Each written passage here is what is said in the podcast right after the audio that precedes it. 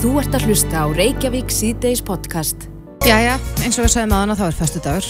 Flestir vita að það er lösta, kannski á leðinni heim úr vinnunni. En uh, síðan að öllu var aflétt hér innanlands þá hafa djammar landsins fagnat því. Já, Nú er loksins hægt að djamma aftur.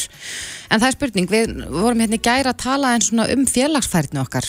Hvernig okkur reyðir af í, í svona kurteisis Já, Við erum svolítið ófunnið að vera í markmenni Mhm. og, og maður er svolítið að læra uh, aftur að vera félagsvera. já, það er alltaf uppiskopað með það sem maður á að segja og, Já, og annað slíkt. eins og hún Þórkalla sagði sko að nennir enginn að hlusta á smitsöguna þína í partjum Nei, en við erum svolítið að tala um COVID og lagðir og ímislegt en það er spurning hvernig djamminu reyðir af núna eftir að öllu var aflétt? Og á línunni á okkur er Steinþór Helgi Artsteinsson eigandi Röngin, kom til sæl Jú, komið sjálfbærsið. Já, f- finnið þið það, þið vertarnir að, að fólk er svona halv vandraðalegt eftir uh, langan tíma af, af innilókun Nei, alls ekki. Bara akkurat öfugt. Fólk er bara einhvern veginn miklu ofnar og skemmtilegra, finnst mér sko. er mikil gleði ríkjandi Já, gríðaleg gleði og, og hérna bara uh, og ma- maður líka fann að finna fyrir sko áður en, áður en allar sam, samkvæmstákvarnir voru afleittar, þú veist, fólk var lengur komið hausinn þangað, skilur við. Mhm. Og það var alveg svona að byrja bara að koma dansskól fyrir klukkan tíu, skilur og, og lokaði ellu og allt svoleið, sko. Já Þannig að hérna, nei, við finn, finnum alls ekki að bara meiri gleðið eitthvað, sko. En, en hefur þetta breyst eitthvað sko? Ég, ég er nú sjálf á færtusaldri og ég var svona eina af þeim svona pínu fagnaði bara að það er bara fínt að fara fyrir út og koma fyrir heim. Hefur þetta eitthvað færst til? Já, mér finnst að hafa ge- gert það sko. Mér finnst líka ekki eins mikill æsingur í bænum svona, þú veist, eftir, eftir þrjú. uh, og við fyrir alveg, alveg, það er ekki spurning að fólk er að koma fyrr, þú veist, það er að mynda að spyrja þér fyrr á stöðum og hérna, og einmitt, það er ekki, uh, og, og það verðist líka verið eins og fleiri staðir hafa ákveðið að bara hafa bara opið til þrjú, í staðið fyrir að við erum opið til 4.30 eins og, og sumi staðir hafi leifið til. Um, og ég held að það sé kannski bara jákvæmt sko og, en, en svona heilt yfir er það líka bara jákvæmt að, að þú hafi bara valum það þegar þú vilt jáma til 11 skilu og getur það, ef þú vilt jáma til 4.30 þá er það líka bara búið og, og hérna og bara getur haga uh, þínum stakki eftir vexti sko Akkurat. Þannig að þú myndir kannski segja að þetta væri bara jafnvel svolítið jákvæð breyting að fólk er mögulega að dreifast betur yfir kvöldi. Já, en það var svona strax sí, eh, síðustu, síðustu helgi sko, þá var svona fólk byrja að koma setna en, en aftur á móti og, og er þá, húst, þá var Eurovision og húst, það er komin þessi fleiri partí og ársatíðir, hann að, húst, og fólk er kannski að skila sér setna í bæinn sko, því það er ekki eins mikið að gerast annars þar. Uh, en jú, ég held að það er ekki spurning að, hérna, að fólk er farið að skila sér fyrir inn á staðina og það virðist bara svona vera orðið sáttari undir, undir lokin eftir aðvar. En uh, eru er drikkjuvenjurnar eins? Erum við að drekka sömu hlutina og, og, og hvað er vinsalast þegar fólk fer að barinn?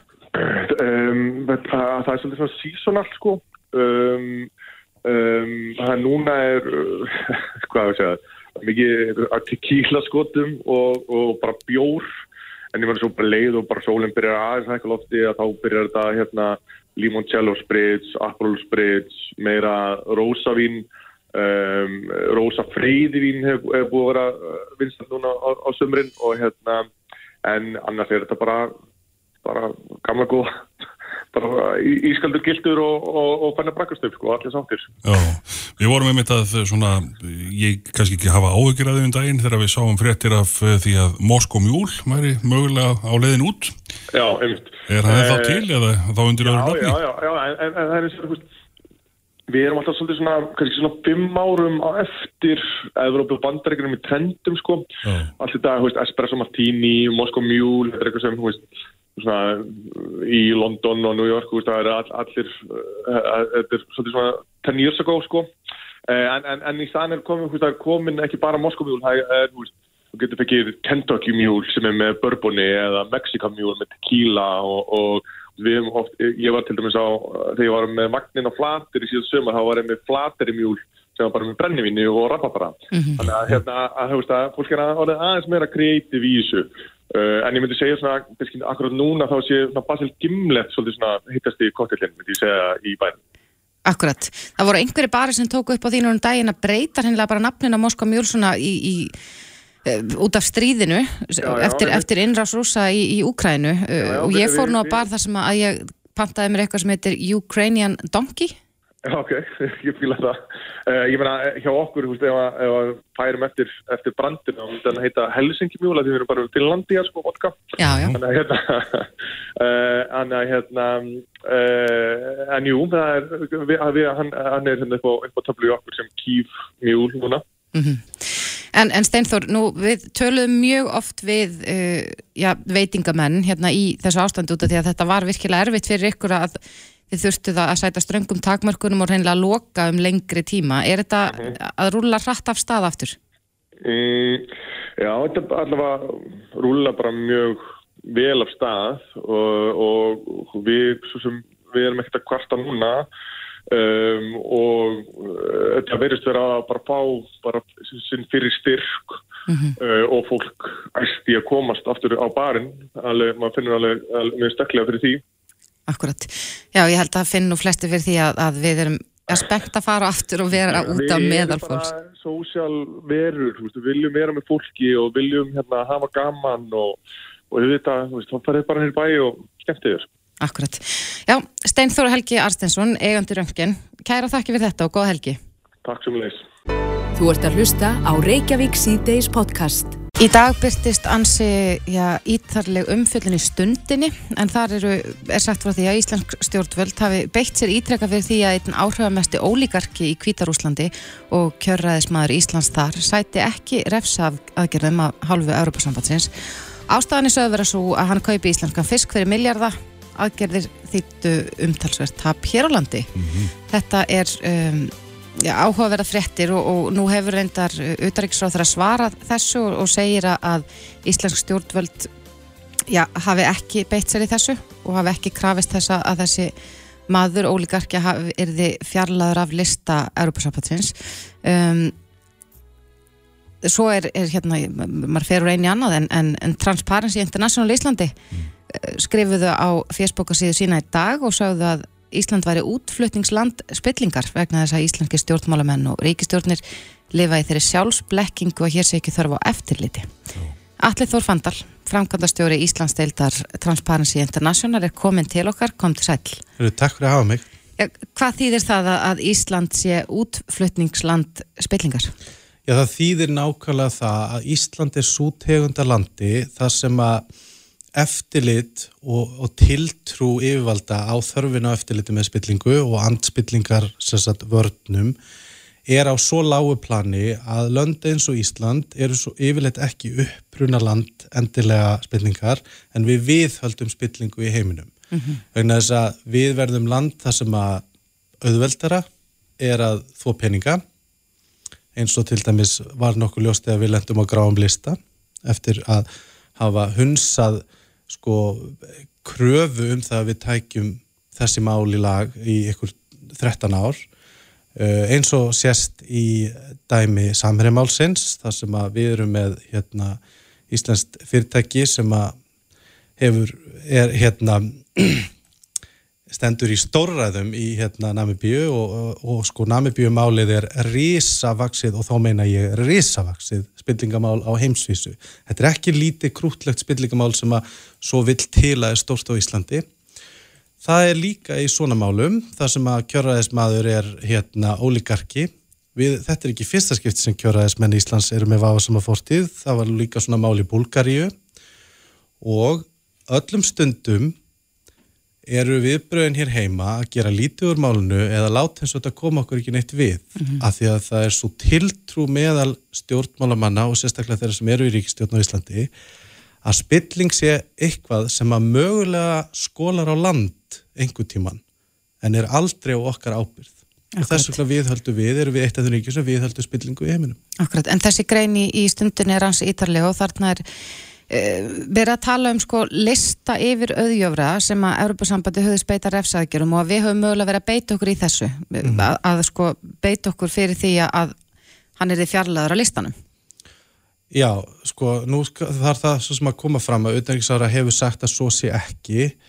Uh, ég ætla samt bara persónlega að því að ég, bara svo að það tekir líka fram að, að hérna stjórn transparency hefur ekkert að hist síðan fréttin kom í morgun þá ætla ég persónulega samt að lefa mér vegna fyrir reynslu af því hversu lítið svona málur tekin alvarlega hérna að segja að ég legg ekki mikla vikt í þessu orð ráðara og ég vil sérstaklega vekja aðtikla á því að þessi grein, það sem hún neytar þessu sem byrtist núna klukkan þrjú ef ég mann rétt, mm -hmm. já þar kemur fram með utanrikssáður að hefur ekki tekið sér tíma til að lesa frétt stundarinnar og ég vil bara vekja aðtikla á því að utanrikssáður er hérna uh, til umfjöllunar í máli þar sem að Ísland er talið hafa beitt sér fyrir því að óligarki sem er hluti af fjármögnum stríðs Pútins að því að Kvítarúsland og Rúsland eru tæknilega að sé tvö lönd. Þetta er, að öðru leiti er þetta eitt og samanlandið.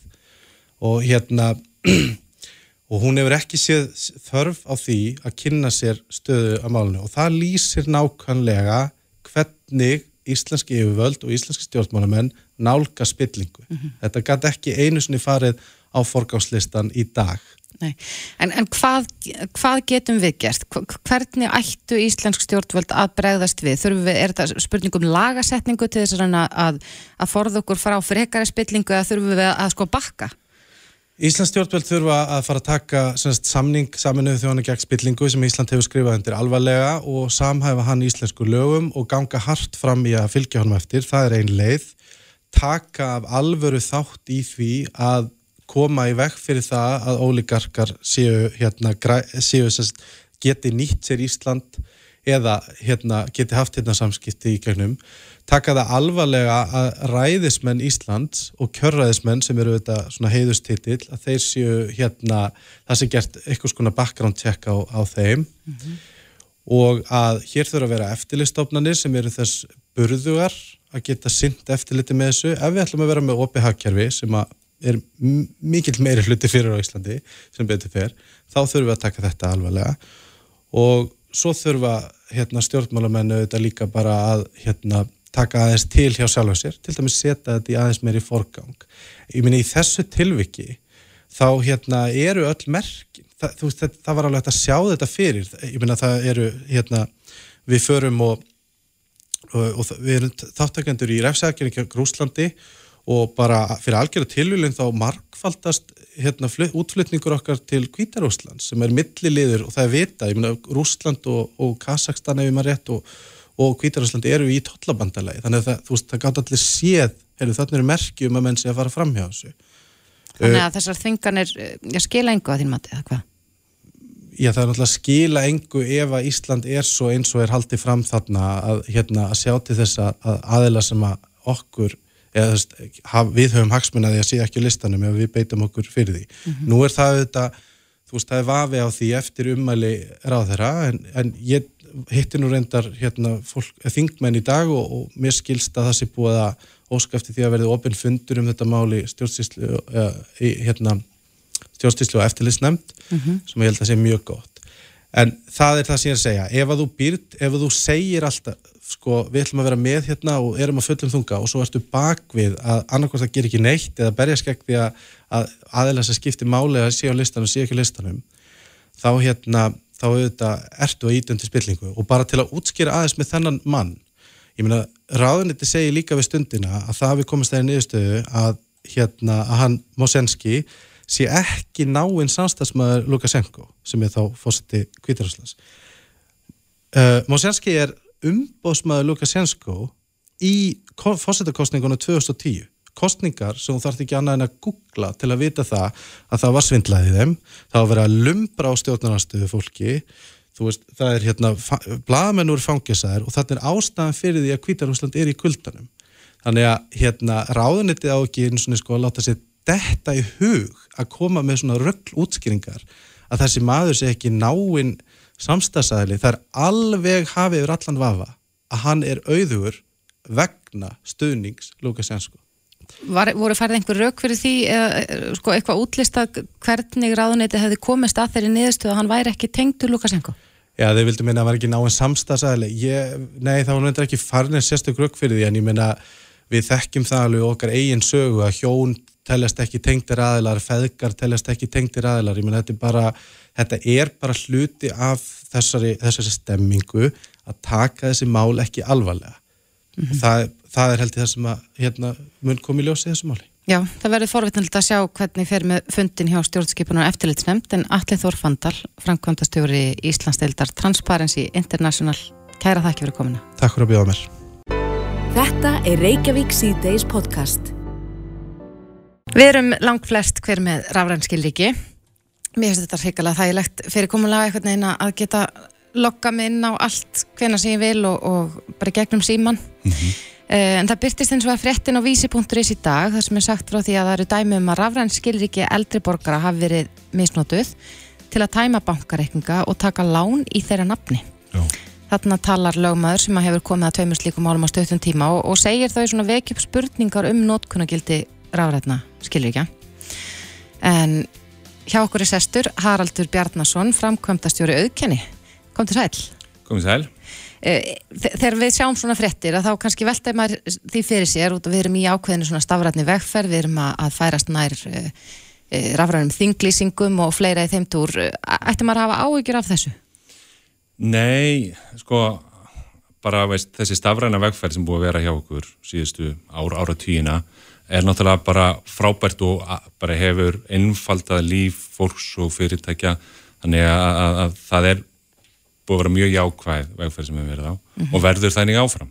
En auðvitað sko þarf alltaf að fara vallega í þessum þáttum, hvort sem að það sé sem rafrænu heimum eða bara einu hefbundu sem við förum og, og það leynast hættur og við verðum bara svona svolítið að læra náttúrulega umgangast þessar hættur mm -hmm. og, hérna, og allt sem er í kringum það, þannig að það er margt þetta að gera og aðeinar eins og aukinni og þeir sem er að veita þessa þjónustu er að gera mjög margt til þess að taka þessa lausni þannig að það séu þægilegar, einfaldar og notunda vænar en jáfnframt örugar líka.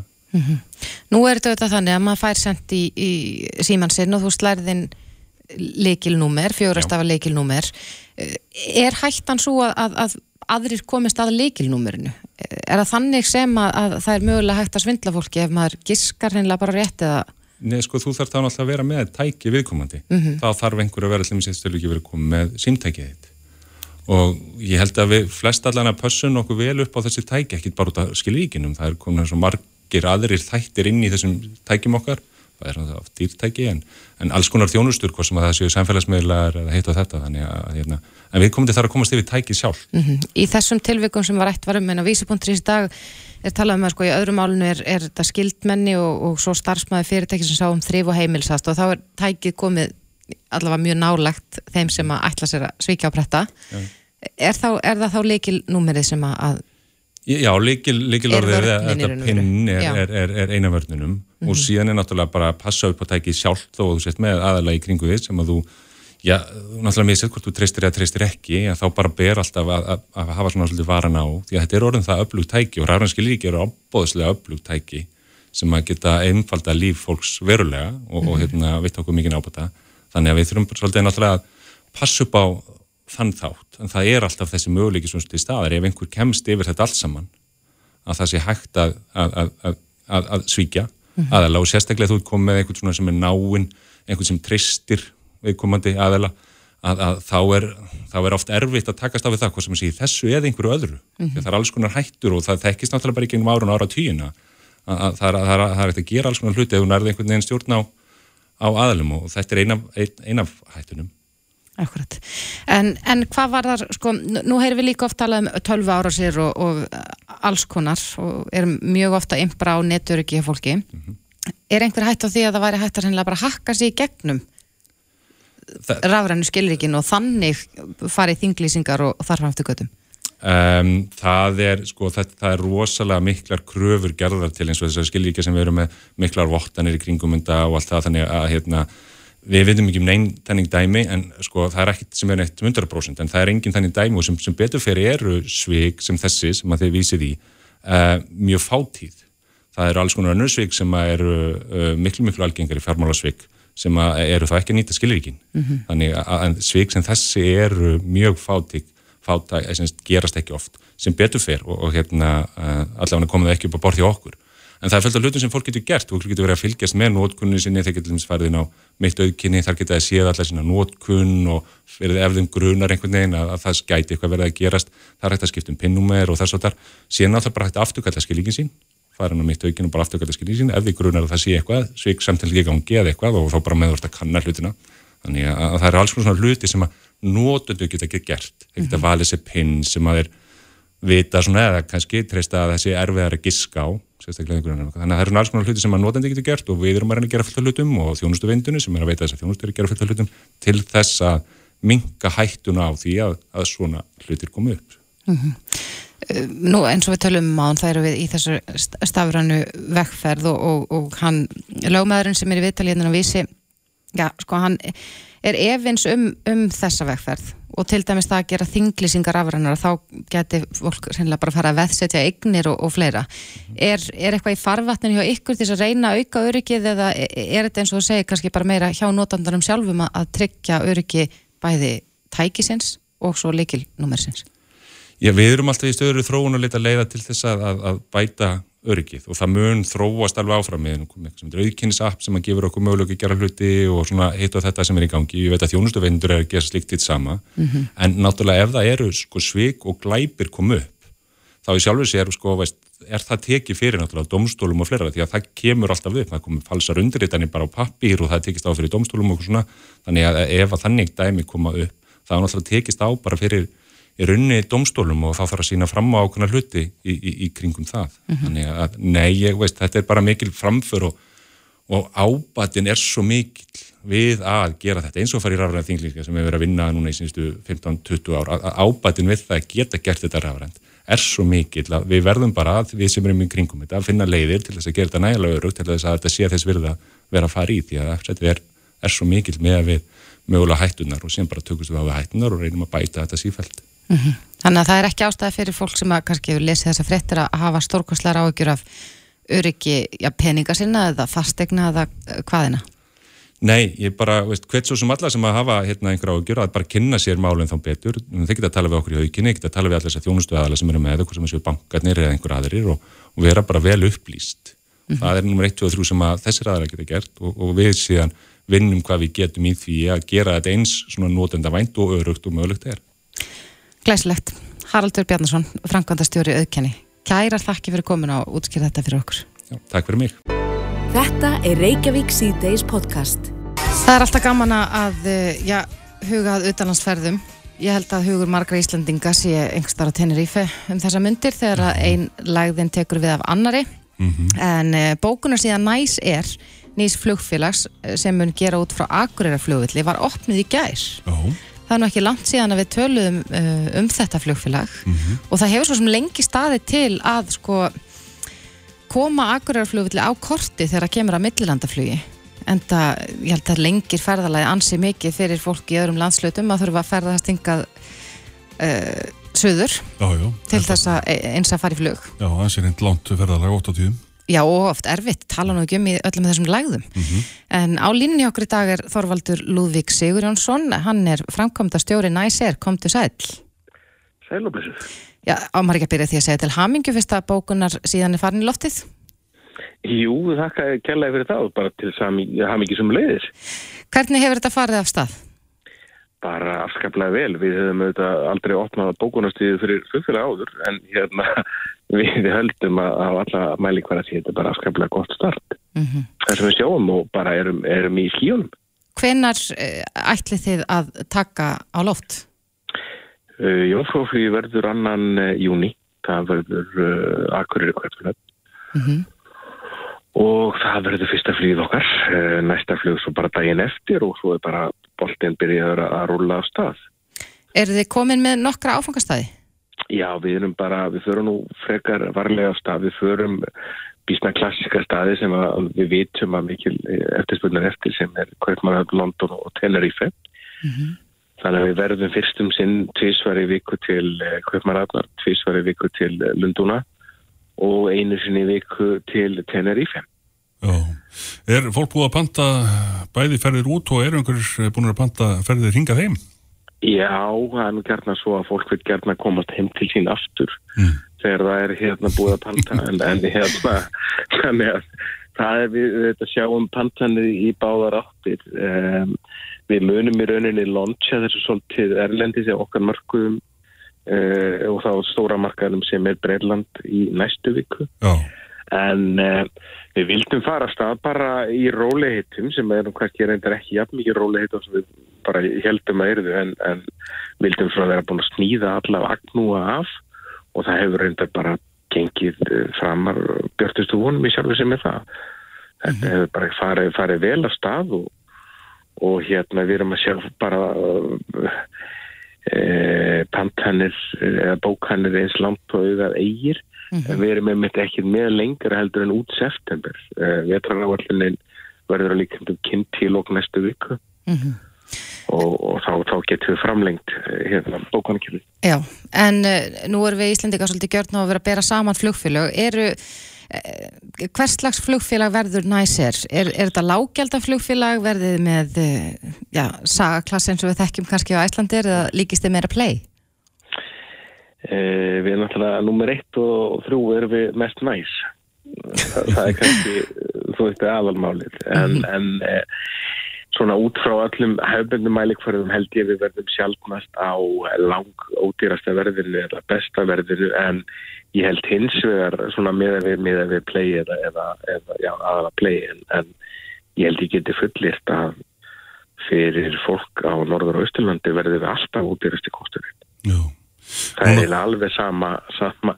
Ég, ég, ég veit bara alveg hvernig það reiknistæmi lítur út að það verður alltaf ódýrara svo ég tala nú ekki um kólefnisjöfnurinn að Uh, uh, kólefnisgjaldi bara einfallega á það að ræsa bíl og kera í 6 eða 9 klukkustundir með bensín eða dísel til keflavíkur og svo heim aftur eftir utanvæðsverð ef þú sleppir við það þá erum við strax að, að kólumn sérna að sé reysilega vel Já. en bara í krónum og öðrum þá verður þetta alltaf ódýrara að fljúa frá, frá akkuriri til heim heldur en að, að fara í ferðalögin uh, á, á Reykjanesi. Já, en talandu um eh, bensín og, og dísel það náttúrulega hefur ekki farið fram hjá neinum. Tölur hækkun á, á ráolju Eh, síðustu eh, vikurnar. Eh, hvernig, hvernig var að taka það inn í plönin svona þegar þú varst að setja þetta allt saman á stað?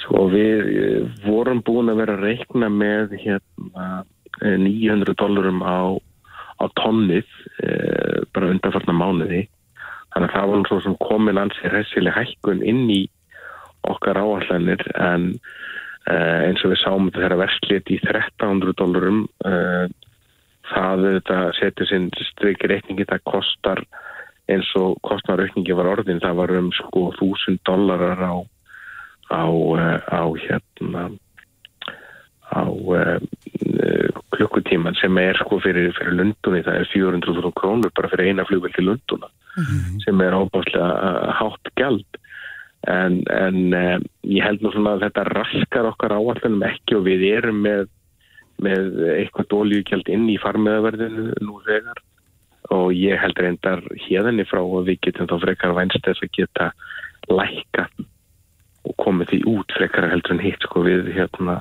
höfum verið með þetta ólíugjald inn í okkar áhaldinu frá upphæfi. Mm -hmm. En, en þú talar um að, að sko, viðtökunar hafi verið góðar. Hefur þau heyrst í, já bara íbúum á Norður og Östurlandi? Hvernig, hvernig líst þeim á þessa breytingu?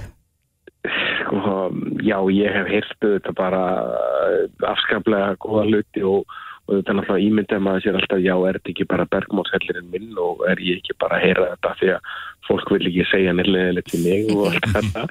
En, en sko ég held að þessi flestir átt að sjá því hef ekki strax á smám saman að þetta er algjörlega breytti tímar þegar að fólk farf ekki lengur að eigða fyrsta uh, deginum í ferðalæginu í það að kera til keflavíkur og gista þar til þess að fara áfram til útlanda daginn eftir Akkurat. og endur taka leikin þegar það kemur heim þú átt allt í það tvo auka orðlófstaga ef við getum orðað sem svo Akkurat og þetta, þetta er rosalega breyting og fólk alltaf átt að segja að byrju, ég get bara vaknað heima hjá mér á brekkunni Já. og verið komið til London fyrir hátegi til þess annarkort að, að vera þar og, og eða ferðast út frá London og komast að loka áfangastað innan sama dags. Mm -hmm. Þetta, þetta er game changer svo í sletti nú. Já. Ég spurði það í síðast þegar við hefðumst uh, út í uh, svona framkvæmdir á Akureylarflugöldi. Hefur komið einhverju einspýting í framkvæmdirnir eftir að þetta fór allt á stað? Nei, en ég, eh, það er því miður, en, en ég bara ég trúi ekki öru en því að, að þeir sem að reka flugvöldin sem er í Savi Einarlands og uh, samgöngur á að netið þetta á endalari ábyrg muni einfallega leggja þetta áratna með okkur að gera þetta þannig úr gardi að það verði ekki allt stopp á fyrsta degi. Mm -hmm. Því miður er þessi stækkun á flugstöðinu, hún er ekki ennþá byrjuð, uh, við, ég hef ekki ennþá, það er ekki ennþá framkvæmdur hafnar, en flugstöðinu á að opna uh, ja, eftir ár. Akkurat. En, en eins og ég segi, ég, ég held að sé engin ástæða til þess að vera neitt uh, svart síðan á það, ég held að fólk viti hversu mikil alvara er í þessum áallunum og uh, ég hef ekki trúið að, að, að uh, fólk muni leggjast áratna með okkur og bara ráðast í framkvæmdur hér bráðasta. Akkurat. Það er stutt í, í fyrsta flug. Já, það, það styrtist heldur betur í það. Það er annan, annan júni. Þannig að, að hérna, nú þarf eiginlega bara að fara að láta hendur standa fram á nörnum. Já, en þið hafið svo sannlega gert það. Þorvaldur Lúðvík Sigurjónsson, framkvæmdastjóri Næser. Kæra þakki fyrir þetta og til hamingjáttur. Kæra þakkir og sömu leiðis. Reykjavík síðdeis á Bilginni podcast. Eins og undarfarnar vikur og þá eru augu allra og hugur allra uh, í Úkrænu. Já. En uh, það eru þetta alltaf, dregur alltaf til tíðinda. Það var alltaf næra að fylgjast með öllum þeim frettum sem að byrtast uh, á frettamiðlunum. En Volodymyr Selenski sagði í ávarpi til þjóðurinnar í dag að innrásinn muni kosta rúsa mikið. Mm. Og svo er, er já, ansi verkilegu símafundur eh, sem að eh, áttum nú ekki á því hvort hann sé búin að eiga sér stað eða muni gera það þar sem að Joe Biden bandaríkja fórseti og Xi Jinping fórseti Kína munur aðeins við síma. Þetta gæti dreyið til tíðinda um, og það er það er eiginlega hryllilegt að, að fylgjast með, að vakna eiginlega hverju mótni og lesa nýjar frettir af hörmungum. Mm -hmm. en svona er þetta Á línunni okkur í dag er Baldur Þóraldsson, professor í stjórnmálafræði við Háskóla Íslands. Komdu sæl, Baldur.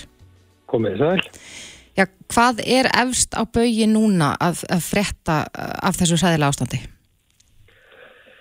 Já, það er alltaf reynið sama hefur verið undanfarna daga. E, rúsneski herin er að reyna að e, sækja fram en virðist ganga það mjög hægt Mm -hmm. Úkrænski herin virðist eh, ná svona komið vekk fyrir að þeir ná við svona líkil borgum eins og Mariupol og fleiri borgum þarna í svona suðaustrinu. Mm -hmm. Það held ég að komi eh, öllum og með her, sérstökum hernaða sérfræðingum og óvart hvað illa gengur hjá rúsneska hernum og, og, og, og rauninni að kákarísku herin er að halda aftur aðeins. Og svo er náttúrulega líka friðarviðræður bæðu ofinberla og baku tjöldin þar sem henn er að reyna reyna að miðla málum það sem kannski aðtiklisverðast var í byrjun vikunar var að Ukrænu eh, í að því að, að hann væri tilbúin jafnvel að lýsa yfir hlutleysi landsins mm -hmm. en það hefur alltaf verið eina helstu kröðum Rúslands Þannig að það, þetta virðist þokast í, í já, átt að einhverju lausn eða hvað? Já sko það er minnst stórt skref í átt að hugsalegri málamiðun að Úkræni stjórnvöld séu tilbúin að ræða það að þau lýsi yfir hlutleysi. Mm -hmm. e, og það, þá að ganga, allir séu ekki að ganga í allarsafs e, bandalagið en það er margt ennþá sem er ólist eins og til dæmis hvað verður um krímskaga, hvað verður um dombasjörðin í austurlutanum sem aðskiljaði sína ráða sko, ég held að sé rauninni bara alveg útrúaka til þess að, að Rúsland láti krimskaga hendi sem hefur innlimaður í Rúsland. Eh, Rúsland hefur viðkjönd Dombas sem sjálfstjórnaríki, ég er ekki búin að sjá það að þau fara að gefa það eftir. En uh, rúsneski herin þyrtti náttúrulega að draga sér tilbaka af því öllu landsvæði sem tilheyri í dag Úkræn sem þau náða valdsi. En svo náttúrulega stóra spurninga gerist með Evropasambandið. Ég er ekki mun að sjá ráðamenni Kreml Eh, heimil og Ukraina gangi í Európa-samband. Nei. En maður veltiði fyrir sér sko eins og þú talaði ráðan um Mariupól og nú hafa borgaryfirvöldi í Mariupól sagt að 80% af íbúðahúsum borgarnar séu eðilögð og að, að 350.000 íbúðar hafist nú við í skílum og kjöllurum. Hvenar er það á einhverjum tímapunkti sem að, að, sko rússar ná völdum? Hvað ásést það þegar að þeir í raun og veru taka borgina? Sko, það er góð spurning. Sko, þeim, sko, þeir gerður á þeirrir að þeir næðu bara sem borgum á allt sitt og ég vil bara kýfa nokkuð dögum. Og menn, menn er einfallega heldur það. Það bara gengur ekki eftir. Uh, þeir eru svo illa skipulæðir, illa búnir, lítil baráttu vilji mm -hmm. og ukrainsku heyri stendur svo vel raunin ef ég, miklu betur en veldur með áttu segja á og gríðilega baráttu vilji sem skiptir málu í hvað þessu varðar. Þannig að uh, rúsnænski heyrin hefur tekið að það ráð að bara einfallega að, að rigna, að sprengju rigna yfir þessar borgir. Og það er einnig taktik sem rúsnænski heyrin hefur beitt annar stað við séð þetta. Hann gerði þetta í testni á sínu tíma og hann gerði þetta í Sýrlandi með sýrleika stjórnahöfn. Þeir jafna bara þetta borgirna við jörðu, uh, þannig að það verður ekkit líf, líf eftir í borgunum. Uh, fólkið uh, flýr eða, drefið og, og, og þá koma þeir inn. Þeir er búið jafnaðið við jörðu og það er ekki að sjá annað en þeir ætla að beita sömu takk í Ukraínu. Það er skjálfilegt og, og, og það nú er. Akkurat. Í dag ávarpaði Vladimir Putin Rúslandsforseti er sko á, á 20.000 manna á viðböru þar sem var verið að fagna innrás rúsa í Ukrænu e, er eitthvað að marka slíka viðbörði? Nú er mikið talað um sko hvort að, að rúsneska þjóðin standið að baki þjóðhauðingja sínum eða ekki. Er hægt að spá í spilnum það hvernig þetta skiptist? Það er erfitt að átta sig á því vegna þess að þetta er Rúsland náttúrulega ekki bara frjálsríki og ekkert að gera ykkur að kannanir eða annað hvað það varðar. Mm -hmm. en, en það er náttúrulega augljóst að stuðningu í Pútin er þó nokkur í náttúrulega ljósi þess að e, það er bara miðla raungum upplýsingu til fólks. Það var að logið að fólki e, hvað er að gerast í Úkræðin. Rúsneska, stór hlutur rúsneska þjóðarnar veit ekki hvað er að gerast í Úkræðinu. Þannig krafti þess hafa þjóðin en það með með sér. En það hefur líka en það er líka sem ekki aðtikli að það er, það er heilmikil anstæði í Rúslandi og hún hefur, hún hefur farið vaksandi hún hefur byrtið fyrst í götu, götum úti á samfélagsmiðlunum en einn og einn svona ráðamadur eða fyrfiðandi ráðamadur er farin að tala fyrir mikið vegi þess að miðla málum og koma, koma á friði. Það vekur aðtikli mm -hmm. þó að náttúrulega einst í valdakjarnin uh, eh, virðist óbifaður enn sem komið er En það er, en það er líka meiri kannski þrýstingur í Rúslandi svona, svona, svona já, í svona jæðurinnum á stjórnvöld sko að, að, að breytum stefnu. Já, en, en það hefur líka verið mikill þrýstingur á, á, á Kína að, að sko, að nú er margir að spyrja sig hvað higgjast kínverjar gera og eins og ég saði þetta náðan að þá Já, áttu þeir samtali í dag, bandaríkjafórseti og fórseti Kína. Höfum við fengið eitthvað upplýsingar um, um efni samtalsins eða hvernig það fór? Nei, nei ég, ég, ég hef ekki séð það, ég er nú bara að kenni allan dag. Akkurat, ég, ég leitaði, sko, leitaði og leitaði að upplýsingum um það hvernig símtali hefði farið en, en það er allavega lítið að frettum samkvæmt miðlunum. Já, ekki, ekki, ekki, ekki sem að við séð, en það skiptir eh, verulega mjög máli hvað kýmur stjórnum gera Við veitum það að bæði kynversk og innbjörg stjórnvöld ætla ekki að styðja sko henni frjálsa heim í röfsiðagjörðum gegn e, Rúslandi. Mm -hmm. En þannig að ef, að, ef það getur skipt sköpum, hvað, hvað kynverð að gera, sérstaklega vegna þess að rúsum gengur illa að taka landið yfir. Rúsum mm -hmm. herrum gengur svo illa eins og við vorum að fara yfir. Þannig að ef að kynverski herin eða kynversk stjórnvöld fara að senda hergögg, vopn og fjárháslega stuðning til Rúslands, þá mun það styrkja stöður Rúsland verulega í þessi stríði. Ef að hins vegar kynveri halda að sér höndum, þá getur bara rússar eh, verið í þetta erfiðu málu. Tó að ég hefði kynveri að fara, þeir mun ekki fara að taka það til refsiðagerðunum sem við tökum þátt í. En þeir getur haldið sér höndum og það getur sett stryk í rekningin fyrir stríðsrefstur Pútis í, í Júkrænu. Þannig að Kína þetta er leikil gerandi í þessu máli Þannig að nú skiptir mjög miklu máli fyrir Vesturlönd og Bandaríkin að fá þau í liðs með sér en þá þarf að myndast þess líka að það er ekki nú nokkru viku síðar að Rúsnes og Kíma stjórnum skrifuð undir sko náinn viðnáttusamning millir landana og gagkama stuðning. E, nú er það spurningin hvort að Kíma er að standa við þar skuldbindningar sem þeir gengust undir bara raunir fyrir nokkru vikum. En það myndi hafa í förmessu alvarlegar afleðingar, ekki satt? Það myndi gera það og auðvelda bæði rúsum að sko standast uh, þessar efnaðsþinganir og auðvelda um strísræksturinn talingum ef þið fá vopnarsendingar og fleira frá kýmisku stjórnvöldum sem jafnvel má búast við sko ef, ef þeir alveg skipa sér með þeim í liði. En þá eru við líka að sjá ef að kýmverstjórnvöld skipa sér aldrei í lið með rúsum þá eru við að sjá náttúrulega bara enn breyttar í heimsmynd. Þá mhm. gætu við að horfa upp á sko þessi tvö allræðisríki, einræðisríki sko gegn henni vestrann heimi og við erum að tala um kannski alvarlegust stöðu í, enn alvarlegur stöðu í heimsmálunum heldur við að horfum fram, fram á í dag. Já, við höldum að fram að fylgjast með þessu og, og býðum eftir fréttum af, af þessum símafundi fórsetana en Baldur Já. Þóraldsson, professor í stjórnmálafræði við Háskóla Íslands, kærar þakki fyrir þetta. Takk ykkur, takk. Reykjavík síðdeis á Bilginni podcast. Ég er frekar dögleg við það þegar ég fer eitthvað svona út og bý nokkuð miðsvæðis. Ég hef mhm. verið dögleg við það að fara á svona raflöpuhjól og reyndar er ég að byrja að venja mig á það svona á sumrin, allavega að vera með hjálminn nálægt mm -hmm. út af því að þetta er kannski ekki hættulöst. En uh, nú er, er hopp ekki bara með þessi raflöpuhjól eða rafskútur, mm -hmm. heldur það eru komin deili bílar. Já.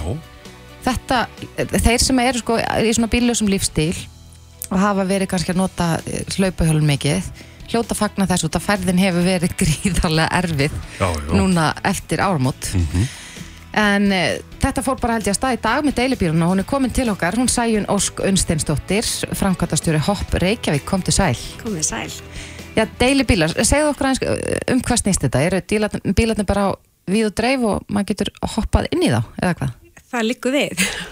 Já, við erum komið tíu rafbíla á gödunar eh, sem að þú finnur bara í hopp-appinu. Mm -hmm. Þú bara zoomar inn, finnur bíl og þú getur tekið hann frá og svo, svo getur þú skannað hann þegar þú kemur að hann til þess að, til þess að nýta þér hann. Mm -hmm. Og svona í fyrstu, fyrsta skipti sem þú tekur bíl, þá þarfst þú náttúrulega sjálfsögðu að auðkenna þig og aukurskiptinu þitt og samþykja skilmála og, og svona yfirslegt. Mm -hmm. Og svo tek, það tekur eitthvað innan við tvær myndur og svo bara hoppar að stað. Jáhá. Um, er, er, þarf maður semst að vera með stafrænt aukurskýrstinni til þess að geta auðkjent sig í gegnum þetta? Nei, þú þurft að vera með gamla góða plast sko. Já, þannig að, að stafrænt aukurskýrsti dugar ekki Nei, þau eru því miður ekki lögleg skýrtinni ekki ennþá, múndi verða það Akkurat. og okkur fannst mjög mikilvægt að gera hugbúna þannig að hann geti virka alþjóðlega líka því við erum alþjóðlega fyrirtæki, við erum að opna sérlega út um allan heim þannig að við ákvæmum náttúrulega að setja þetta inn í búnaði þannig að þú þarfst að skanna mynd af aukurskýrtinu. Mm -hmm. Þannig að það verður krefindi fyrir marga farin í skuffu og finna aukurskýrtinu því að margir eru komin með til síman. Akkurat. Já, já. Og svo þegar þú uh, sest inn, uh, tekur á stað, mm -hmm. er þá eitthvað sem þú þarfst að fara í gegnum, er til dæmis einhvers konar áfengismælir eða Eða... Nei, ég ætla nú að treysta því að fólk sittist ekki upp í, upp í deilibíl undir áhrifum áfengis þótt að því miður einhverjir gera það mm -hmm. á skúturnar mm -hmm. en hérna við verðum að treysta því að fólk fari bara eftir lögum í landinu Já. þú bara keirir ekki ölvaður þú fer ekki að keira deilibíl ölvaður Nei, það er alltaf bara algjörlega fáralegt Akkurat. Hvað er þau með marga bíla? Sko við byrjum með tíu bíla við erum sérst núna í svona, svona fyrsta fasa verkefnisins og við erum í samstarfi við höldur eh, bílalögu akverirar sem skaffa okkur þessar rafbíla. Mm -hmm. Umhverju stefnu fyrirtækin eru mjög líkar þannig að það lá beinast við að vinna með þeim og þeir eru sérst búin að skaffa okkur bíla og við erum með tíu bíla til að byrja með um, til að, þú veist, mæla gögn, reyna hugbúnaðin, þetta er náttúrulega rosalega stór tæknilegs sem við erum búin að þróa og svo erum við að vonast til að bara fljótlega getum við farið að fjölga bílum því að við erum náttúrulega búin að fara að mæla nótkunn og sjá hva, hver viðbröðu verða. Mm -hmm. og við teljum að tímið sér núna, fólkið er að kalla á breyttar ferðavennjur eh, rafskútunar, gríðarlega vinsalega, það er bara tveg, tveggjar og gammalt fyrirtæki hopp pælið í því. Fyrir töm ára síðan voru engar rafskútur á gödunum mm. og í februar fóru við 19.700 ferðir hvað voru, hvað voru marga lægðir í og marga veður viðvaranir í februar Ég er sko búin að vera með meðvirk með hopp núna síðastlegin mánuð út af því að maður hefur tekið eftir því sko á við og dreifum borgina að þá sér maður bara svona eitt og eitt svona hopp stýri út úr skabli Já. hefur þetta farið illa með flótan? Já, að sjálfsögðu. Og marga skútur farið illa út frá vetraþjónustunni en það er okkur mjög mikilvægt að allar, allir stígar séu ruttir mm -hmm. þannig við, það er bara að gefa leifa á það að þeir eiga riðja skútunum okkar um koll, það er ekki gott fyrir hopp heldur að hafa órutan stíg. Þannig að það sé alveg á hreinu. Og svo náttúrulega bara kom veðrið svo hratt og við náðum náttúrulega bara ekkert að taka þær allar upp á sköflunum. Og svo var svo mikil nótkun að auðvitað lokuðu við ekki því við erum náttúrulega bara heilsás samgöngu fyrirtæki mm -hmm. og nótendun okkar stóla á okkur. Þannig að við urðum að auðvitað, hafa opið, en ég viðkenni nú með samt með svona plan A, B, C fyrir næsta vetur. Þetta er alltaf fyrsti veturinn sem við erum með opið mm -hmm. í þessum mhm. snjó. Mm -hmm. en þá koma bílarnir sterkirinn Já, En þú talar um plan ABC, ætlaði eitthvað að breyta þessu þá næsta vetur, hvernig þið breyðist við? Nei, ég segi bara svona, bara vita, veist, vera bara betur undirbúin fyrir hennar mikla snjó. Ég myndi mm -hmm. að það var engin undirbúin undir hennar mikla snjó. Nei, við erum fljóta að glema Við erum fljóta að glema og hérna, og Já, og bara svona vera svona aðeins með betri plön upp á hvernig ég er í balansaflottan og hvað hann á að vera og svo les. Já. Þannig að meira það, sko. Já, en, en hvernig með uh, dregnina, eins og til dæmis bara Já. í sömur, þá koma hingað uh, eh, tölvöld ábygglega fjölda ferðamönnum. Mm -hmm. uh, geta þeir tekið sér hoppíl í, í, í Keflavík og skutta sér inn til Reykjavík? Ekki ennþá. Kanski ára konu hundra bílar. Já. Nei, núna erum við bara með opið í Reykjavík. Þessi tíu bílar verða bara innan Reykjavíkur mm -hmm. Að trúum eftirspurni verði það mikil eftir þeim og til þess að geta sapna raunverulegum gögnum og til þess að fá notkunina og sjá hvað er virkilega þurfa þá getum við ekki verið með ofstórt svæði Nei. því þá er bara bílinn komin á ránt í burtu þegar það þarf að halda Já. þannig við byrjum í Reykjavík Er það, og... að tala um höfuborgarsvæði kemst maður til dæmis í IKEA? Já, með því að pása bílinn þú getur alltaf að fara út, þú getur tekið bílinn þú borgar 300 krónur í starkjald og 45 krónur mínunduna, mm. svo bara keirur þau svo fyrir út fyrir svæði, þá getur þú pása bílinn en þú getur aldrei endað ferð fyrir utan þjónustisvæða. Já, já, þannig að þú getur keitt hvert sem er sko, já, þannig séð, en þú skilar honum alltaf innan já. Reykjavíkur. Akkurat, svo ferir til og meins frá miðurlegu upp í Costco, kostar 1400, 1460 kall cirka frá mjög tilbaka mm -hmm. og svo mhm. pásaru með 10 myndu mynduna, þannig að þetta er bara ótrúlega flott kjör. Mm -hmm. Já, þannig að þetta er allavega, mun kosta fólk tölvöld minna heldur en að það myndir kannski alltaf taka legubílbáðar leiðir? Ansi mikið minna. en hver er markkópurinn ykkar? Fyrir hvaða hóp er þetta helst? Er þetta fólki sem að, að hefur verið að nota hopp uh, skúturnar og er kannski svona bílu sem lífstil ferðast með almenni samgöngum eða bara hennilega allir? Sko ég myndi segja allir en auðvita þau notendur okkur þau sem velja sér að velja sér að bílisa lífstil, auðvitað verða þau mjög stór viðskipta vinna hópur en ég trúi bara að það eru svo margir farnir að velja sér breyta ferðamáta og við þurfum svo mikið að breytast. Ef við ætlum að takast á við þessa umferðar, þessa umhverfisvá og þessa umferðateppur, þá þurfum við að breyta hvernig við höfum okkur. Mm. og það að þú getur bara að hoppa í stræt og í vinnuna, svo tekur þú bara deilubili og þarfst að skuttla á æfingu og þú þarfst að fara á fund og ég tala nú ekki um fyrirtækin þegar þau fara að hvetja starfsfólkið sér til þess að nota bílana. Þetta er allt saman markkópur háskólinn, háskólinn sko öskra á okkur Veist, það eru, er fólki sem hefur engan að hauga bíla mm -hmm. viti, Vassmýrin, Borgatúnið, Miðborgin þú veist, ég held að þetta sem meira staðsetningar heldur en endilega markkópurinn ég held að bara, veist, allir eigi eftir að prófa okkur mm -hmm. því við trúum því að þetta er tíminn því að fyrir tveim árum síðan bjóst engin við því að rafskútur eru svona vinsalar aldrei Hvað komast margir, uh, hversu stóri bílar eru þetta? Sko þetta eru, við byrjum með Kíu og, og Hyundai Konu mm -hmm. þannig að þetta eru svona bara, þetta eru rosalega góði bílar mhm. þeir eru náttúrulega svolítið í starri kantinum við munum fara í minni ódyrari smábíla fyrir svona flota. Þannig að við erum að byrja með svona vandað og góða bíla. Sem alltaf fimmanna bíla bara veist, geta tekið stóra yngöpapoka og jáfnvel komúður íka og því vil ég kannski ekki mikið að sé vera að flytja í bílunum en þá er það þannig, þeir eru rungóðir Akkurat. Eitt, eitt sem hefur mikið verið rætt um varandi sko skúturnar, ég átta mig á því að þetta er ekki sama fartækið, mm. en, en það eru svona víð og dreif. Má maður leggja bílunum í hvaða bílastæði sem er? Já, í hvaða löglega bílastæði og jafnvel gjaldskildstæði. Hvað gerist þegar maður leggur í gjaldskildstæði? Hver greiðir þá? Við. Já.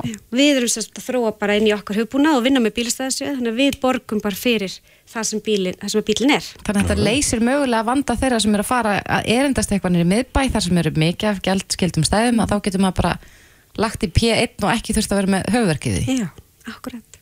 Já, þetta er spennandi. Mm -hmm. uh, og þeir eru farin á staðið, þegar ekki? Jú, opnum við hátteginu.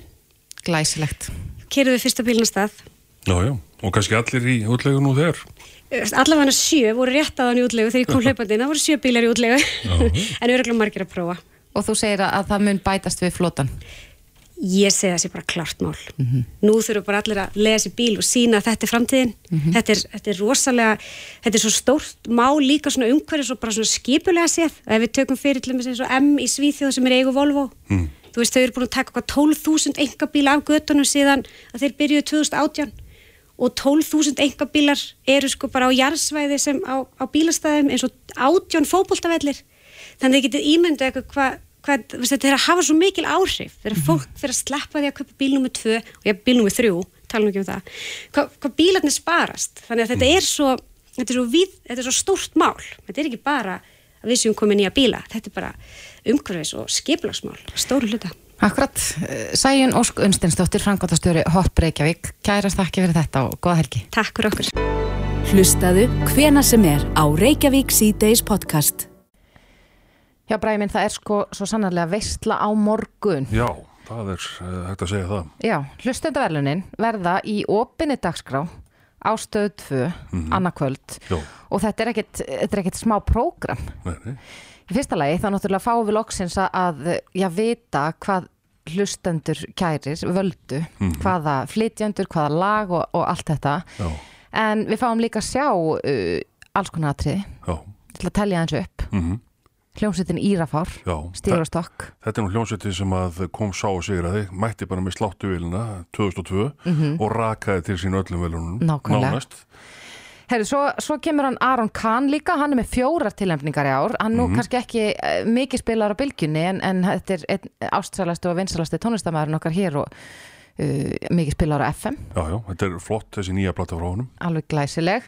Herri, svo kemur Sigga Beindins mm -hmm. og það er nú valla að kynna hana. Nei, nei. Þú veist að vita allir hver Sigga Beindins er. Algjör drottning. Mm -hmm. Kælan Mikla sem er punk-rock hljómsveit uh, skipuð af, af þrejum stelpu mm -hmm. Ég hef lítið hirt af þessari sveit en hef hirt nafnið. Kanski á maður bara þetta að kynna sér betur hvað Kælan Mikla er að gera. Ég held það.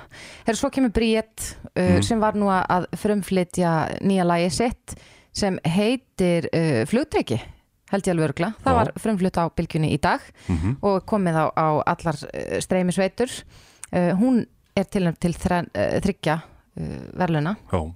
og svo kemur GTRN Jón Jónsson og uh, þau munu að sjálfsögðu flytja lagið ef ástin er hrein mm -hmm. og það var auðvitað vinsalasta lag síðasta árs bæði á bylgjunni og á FM 957 Já, já, og þá er spurning bara hvað hlustendur hvaða dóm þeir hérna, gefa yfir læginu, það er náttúrulega flott lög sem er að keppa móti þessu lægi Já, algjörlega, það er svo sko, ég er með hérna, tilnefninga það fyrir fram mig, mm -hmm. lag ársins þannig eru, ég var að spá með Rakel Jóapí og Sístón, mm -hmm. flígu upp með Aron Kahn, Já. spurningar með Byrni og, og Pál Óskari. Frábært. Segðu mér með Friðrikdór mm -hmm. ef ástin er hrein. Já Svo kemur Ástrós með Bubba Mortens og Bríði og svo veldu stjörnu með Ellen Kristjáns og John Grant. Já, þetta er ekkert smá flottur hópur. Ég get eða ekki valið. Ég ber mjög mikla taugar til, sko, ef ástin er hrein. Mm -hmm. Þetta er einhvern veginn, þetta lag kom til mín á svona geggjum tíma í lífinu og, og það mun alltaf minna mig á góða stundir. Já, já. Þannig að ef ég þurft að velja það myndi ég kannski velja það. Já, já. Sem hlustandi.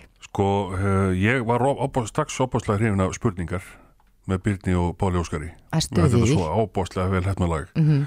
og svo uh, Aron Kahn flígu upp. Að við sem ekki heyra það oft hérna á bylginni þá er þetta lag sem er búið verið miklu upp og held ég á mér personlega Akkurat. og svo er náttúrulega veldu stjórnu alveg hreint æðislegt. Ég kemst ekki yfir það hvað John Grant syngur fallega á íslensku. Já. það er bara óaðfinnanlegur framburður. Mm -hmm. Og svo Ellen náttúrulega geggið sönguna líka Já. en svo síðast sá, sá sem er uh, ég ætti að segja ykkur frá einum hérna tónlistamanni Já. og það er ansið dularfullur tónlistamæður Já. sem heitir Hugo og hann er tilnæmdur sem nýliði ársins á hátíðinni mm -hmm. og það veit enginn hver er á bakvið hann er, hann er með svona villikatta Já, akkurat og ég er eiginlega að vona og ég veit, sko ég hef ekkert fyrir mér í mm. ég er eiginlega að vona að við fáum að vita á morgun hver hann er Já Það er aldrei að vita. Það aldrei að vita. Kanski verður þetta, þessi frábæri viðburður nýttur í það, eða kannski ekki. Mm -hmm. Já, það er náttúrulega, við þekkjum þáttinn Mast Singer á, á stöð 2. Já. Það er spurning hvort það verið kalla bara take it off í, í salnum á, á morgun. Já, það er spurning. En eins og ég segi, þetta verður í opinn dagskrá mm -hmm. og uh, þetta er bara hátíð hlustenda. Já. Þarna eru, það er engin, engin domnemnd sem er að, með eitthvað 50% vægi og eitthvað svona bullenri svengakefni. Þarna eru bara hlustendur að fá að velja já, já. hvað þeim þykir best. Akkurat. Þannig að þetta er í, á morgun. Ég held að útsendingin hefist eitthvað um sjöleitið. Já. Man ekki alveg nákvæmlega klukkan hvað. Nei. En við verðum þarna, öll sömul, að fagna þessu. Mm -hmm. En ég held að það sé bara komið að því að við fyrir að skipta úr á fréttastofan, er það ekki? Jú, ég held að. Fréttir hér á slæginu klukkan hálf sjö, við verðum aftur saman á uh, mánudaginn, Þórtís og Breið, þakka kjalla fyrir sig. Góða helgi. Reykjavík síðdeis á Bilginni podcast.